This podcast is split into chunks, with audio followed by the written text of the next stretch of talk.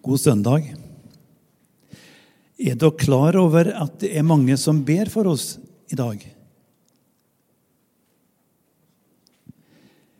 I Misjonssambandet i regionen vår så har vi en bønnekalender for hver dag i uka. Og på søndag så er det Team Nord som er i fokus. Vi som er ansatt i området her, og rundt om fra Kvinesdal i sør til langt opp i Kvinnherad så har misjonsvenner med frokosten bedt for oss i dag. Da har de også tenkt på de som skulle samles til møter i området. Er ikke det et privilegium? Og dere som går på Lundeneset, og dere som er ansatt på Lundeneset Lundeneset står også på lista for i dag. Ber for dere alle. Og framover, tenk på det hver søndag dere har møte. Så er dere med i bønnekalenderen. Og er det noen som ikke har den, så må Ben Torleif skaffe. Han er ofte på regionkontoret. Jeg har lyst til å starte med det her, for arbeid Guds rike er viktig. Og fremfor alt er det viktig med bønn og forbønn. I dag har vi Alle helgens søndag. Jeg vet ikke om du har noen tradisjoner i forhold til det. Jeg har vokst opp i bygd i Namdalen uten kirke og kirkegård, så vi har aldri vært på kirkegård allehelgens søndag. Men pappa han minte oss alltid om dagen og de som hadde gått foran. Vi som er her i dag, er berørt av dødsfall på forskjellige måter. Noen har mista besteforeldre i år. Kanskje noen har mista foreldre. Noen av oss som er her i dag, har også mista barn i heimen vår. Kanskje også noen har mista en ektefelle. Og Det berører jo også første allehelgens søndag etter en slik hendelse er spesiell. Vi markerer det ikke for å dyrke helgen, da, slik man gjør i den katolske kirke. Men vi er takknemlige for har, den tid vi har fått hatt sammen med våre. Og det er flott om å få lov til å tenke på at de som nå ikke er her lenger, har gått hjem til himmelen. Og kanskje vi i vårt lavkirkelige arbeid skal ha litt fokus også på behovet for samtale. Det kan være noen som trenger noen å snakke med en slik dag. Noen å be med. Prekenteksten for i dag det er fra Matteus 5, vers 1-12. Vi skal lese den sammen før vi ber. Da Jesus så folkemengden, gikk han opp i fjellet. Der satte han seg, og disiplene samlet seg om ham. Han tok til orde og lærte dem. Salig er de som er fattige i ånden, for himmelriket er deres. Salig er de som sørger, for de skal trøstes. Salig er de ydmyke, for de skal arve jorden. Salig er de som hungrer og tørster etter rettferdigheten, for de skal mettes. Salig er de barmhjertige, for de skal få barmhjertighet. Salig er de rene av hjerte, for de skal se Gud. Salig er de som skaper fred, for de skal kalles Guds barn. Salig er de som blir forfulgt for rettferdighets skyld, for himmelriket er deres.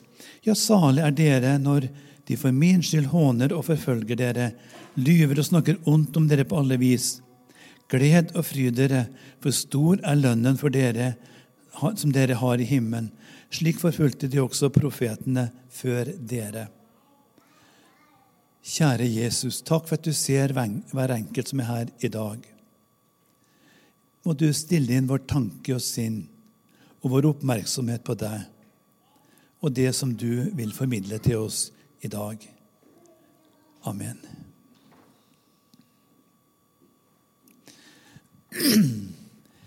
I og med at dette er teksten for alle helgens søndag, så må vi starte med det som er målet for vårt liv. Og det er faktisk en tilværelse som er langt flottere enn vi har her. Vi har en himmel over oss. Og I Bibelen blir vi på forskjellige måter minnet om at det er målet for livet. Men hva er himmelen? Det er det mange forskjellige tanker om. Alt etter hvem man spør. Og Går man langt tilbake i tid, så var det jo hvelvingen over en flat jord. I dag så snakker man om et uendelig univers som er grenseløst. Men hva er himmelen? Jo, det er Guds bolig. Det er englenes tilholdssted. Det står om det også i Bibelen.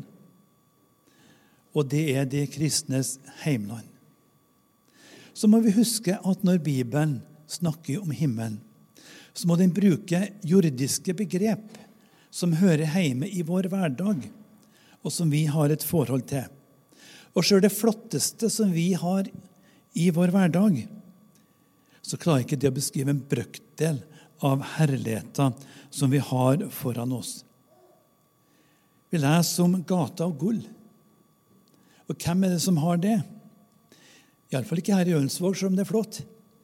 Og det nye bedehuset kommer til å bli veldig flott, men neppe gata av gull der òg.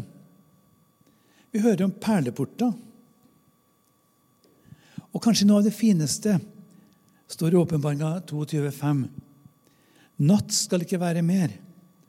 De skal ikke ha bruk for lys av lampe eller av sol, for Herren Gud skal lyse over dem, og de skal herske som konger i all evighet.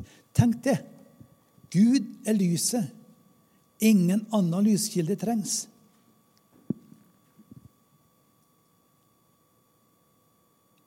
Vi tar med litt til fra Åpenbaringa 7. Derfor står de for Guds trone og tjener dem dag og natt i Hans tempel.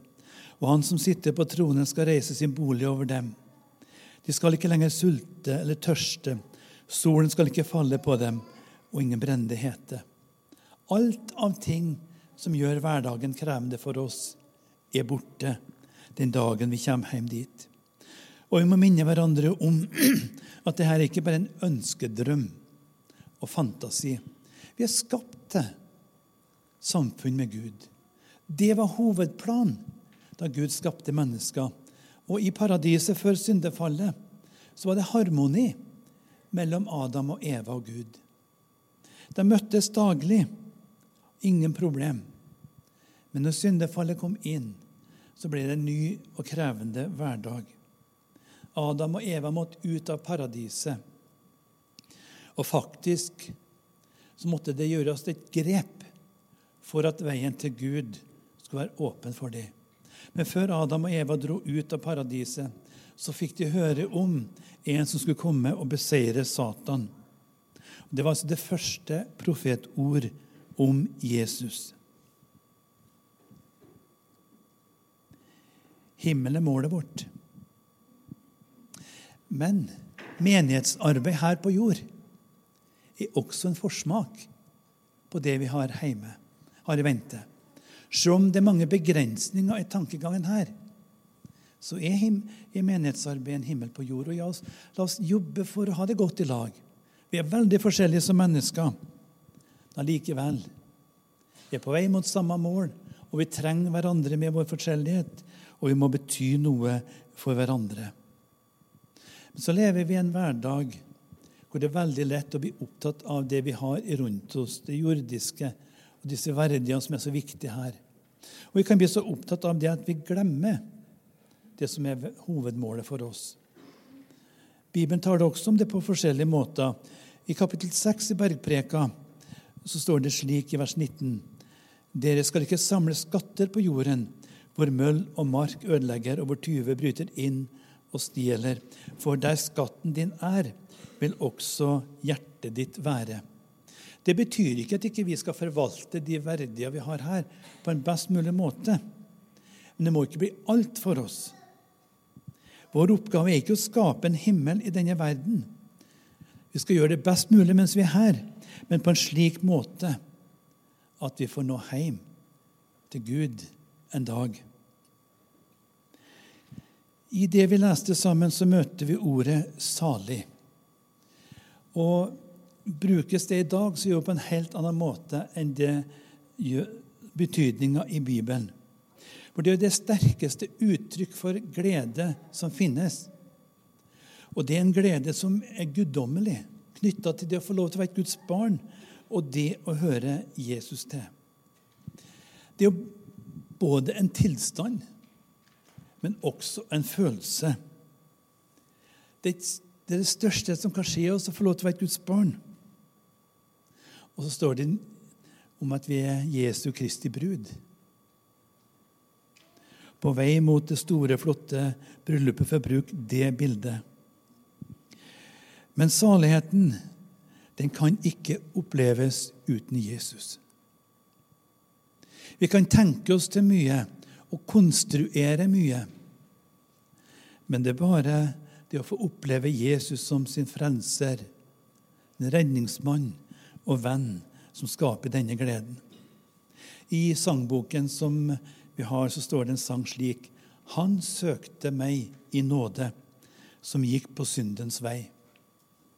Han fant meg, trett og såret, og bar meg hjem til seg. Mens engler får Guds trone sang og himmelens harper herlig klang. Nåde at han fant meg. Kjærlighet som vant meg. Nåde at han bar meg til sin fold. Nåde at han bar meg til sin fold. Jeg har vokst opp i en kristenheim. Jeg har gått mye på møter i oppveksten, sikkert mer enn dere som er her. De fleste, iallfall. Men da jeg var en 12-13 eh, år, så sa jeg nei til Jesus. Og det gikk en tre-fire år før han fant meg igjen. Jeg visste at det var galt, det jeg gjorde. Alle andre trodde at jeg hadde det godt. Men på en ungdomsleir så var det en kamerat som spurte hvordan har du det med Jesus, Georg. Og Da kunne jeg ikke lyve. Jeg hadde ikke gått. Men da var jeg moden til å si ja. Der og da hadde ikke jeg noen følelsesmessig opplevelse, men det ble en ny kurs i livet. Og jeg er glad for denne starten. Og jeg er glad for at jeg skal få lov til å høre Jesus til i dag. Og i vår tid så må vi understreke med mange tjukke streker at det er bare Jesus som er porten til himmelen. Det sies så mye rart om det å være Guds barn i dag. Men det finnes ingen snarvei til Gud utenom Jesus. Så står det i en sang alltid salig og meg alltid glad fær jeg vegen hjem til Sions stad. Det må vi også ta med. For livet er forskjellig. Noen er følelsesmennesker, og andre er ikke det. Men som jeg sa tidligere, saligheten er en tilstand. Enten jeg føler meg glad eller ikke. Hører jeg Jesus til, så er jeg like privilegert. Men jeg ønsker virkelig at det skal få være slik både i mitt liv og i ditt liv at vi har dager da vi kan glede og fryde oss over å få lov til å høre Jesus til. At vi kjenner det bruse i følelseslivet vårt over å få høre Han til. Jeg håper også at de vi møter rundt oss, merker at vi er glad for å høre Jesus til. Det er så mye negativt snakk. Og det er så mange kompliserte ting, ikke minst i vår tid. Og Man kan bruke time ut og time inn på å snakke om det der. Men hvem er det som snakker om at jeg er glad for å høre Jesus til? Det er veldig lett å snakke seg ned i depresjon. Mye tyngre å snakke seg opp til glede. Jeg må ta med det jeg opplevde for noen år tilbake på Ålgård. Noen av dere har kanskje hørt, men de fleste ikke. Hadde ei møtehelg der. Og Etter hvert møte så ble ordet gitt fritt en liten stund. Og En kveld der så kom det fram ei dame i sin beste alder som fortalte fra sin ungdomstid. Hun hadde ei ikke-kristen venninne. Og De diskuterte mye kristne spørsmål. Og En kveld de var sammen, så klarte denne venninna å sette henne fast. Hun hadde ikke et eneste argument å komme til med for sin kristne tro. Og Så datt det ut av henne før de skiltes. Jeg er i alle fall glad for å få lov til å høre Jesus til. Så gikk det noen dager, ei uke eller to. Så ringte venninna. 'Jeg har ikke glemt det du sa. Kan du hjelpe meg å bli en kristen?' Et oppgitt vitnesbyrd om gleden av å være Guds barn. Det greip. Vi leste sammen fra kapittel 5 om saligprisningene. Vi kan dele det i to. Vi har den første gruppa som handler om det som har med gudsforholdet vårt å gjøre. Det er de første. Og la oss huske at når Jesus holdt denne talen for disiplene, så var det mye mer radikalt enn det vi er klar over. Fordi at disiplene hadde vokst opp i en tradisjon som var prega av det som, er, det som vi kaller de skriftlærde og fariseerne. Den jødiske tankegang hvor det ikke var plass for de som sleit med seg sjøl. Skulle du bli Guds barn, så måtte du holde Guds bud og masse forskrifter. Det var strenge og store krav. Og kanskje de fleste falt utenom. Det var nyttesløst for dem. Så kommer Jesus og starter slik. Salige er det fattige i ånden. Dere som ikke får til noe som helst, som ikke klarer å leve etter kravene til de religiøse lederne. Det er håp for dere. Håpet, det var jo Jesus og hans vitnesbyrd. Jeg vet ikke hvordan, unnskyld, hvordan dere har det her i dag. Kanskje er du her som sliter med deg sjøl bak fasaden. Som eh, har hatt en vond morgen. Og som tenker at Gud bryr seg ikke om deg lenger. Jesus ser det. Har naglemerka hender. Og han ønsker å møte deg og vise deg sin kjærlighet. Du er privilegert. Du får lov til å høre Han til. Så ikke vår fattigdom Gud ser, men Jesu rikdom. Så hører vi om de som sørger som opplever at hverdagen er tung og vanskelig, og først og fremst at man ikke strekker til som et Guds barn. Vi hører om de ydmyke. Det å kunne bøye seg under den store plan og vilje som Gud har. Og det å kunne jobbe med seg sjøl, slik at ikke egen stolthet preger hverdagen. Og de som hungrer og tørster etter rettferdighet. Etter noe utenom meg sjøl. Salige er disse. Og må få nåde til å leve og eie disse egenskapene i våre liv. Mange mente at dette var lettsindig forkynnelse og en altfor enkel vei til å bli et Guds barn. Men det er den nye pakts kristendom. Og det er det du også skal få lov til å formidle til de vi har rundt oss.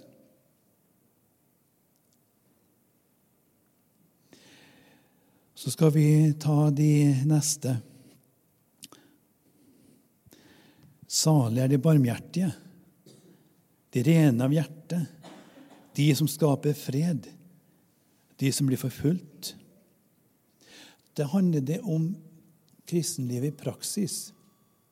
Hvordan vi får leve i hverdagen, og hvordan de andre mennesker ser oss. Og Der kan det også være mange utfordringer. For vi har en vond natur, og vi har forskjellige personligheter, vi som er her. Men på tvers gjennom der så ønsker Jesus at det skal skinne noe fra oss som skaper ringvirkninger. Som skaper ro og harmoni, og som kan hjelpe mennesker som ønsker å møte Gud så det er ikke vår perfekthet som er det de ser etter, men vår ærlighet. Det kan være noen av oss som har såra et medmenneske, kanskje mange. Nabo, eller aller mest i heimen. Men det er ingen god egenskap å aldri be om tilgivelse. Har du såra naboen, så merker han det. Men kommer du å be om tilgivelse, så ser han at det her er et menneske som bryter med sin stolthet, innrømmer at man gjør feil. Og så betyr det mye, mye mer enn det gale som skjedde. La oss være fredsstiftere, eller som det står i en sang, et Kristusbrev til verden, som blir lest, og hovedbudskapet er at det er godt å høre Jesus til i en krevende hverdag.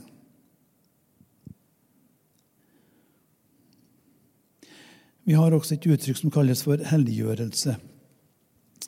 Noe som skal gjennomsyre og prege oss i vår hverdag. Og Vi vet jo at menneskenaturen er veldig forskjellig. Og det finnes en del typer som er vanskelig å forholde seg til. Man kan spørre klarer Jesus å gjennomsyre alle. Vi kan la spørsmålet for så vidt være åpent. Men tanken og ønsket er at vi får leve så nær Jesus at selv om vi skulle ha en vrang natur, så må det merkes at her er det en dimensjon som overstyrer våre personlige problem. I slutten av det vi leste, så hører vi om motgang og motstand. Det er noe av det mange opplever. Det er ikke så mange av oss med her i dag som ble forfulgt da vi dro på møte. Men det er mange kristne rundt i verden som må gjemme seg vekk, og som må oppleve fengsel og tortur fordi at de vil høre Jesus til. Vi er privilegerte, og det må vi takke Gud for. Men Likevel så kan det være noen som snakker bak ryggen på oss og rister på hodet av de som nå drar på senteret her på søndagsmøtet. Tenk å bruke tida på noe så dumt. Jo fint vær. Vi kan jo gått en tur ut. Det kan vi få tida til senere i dag.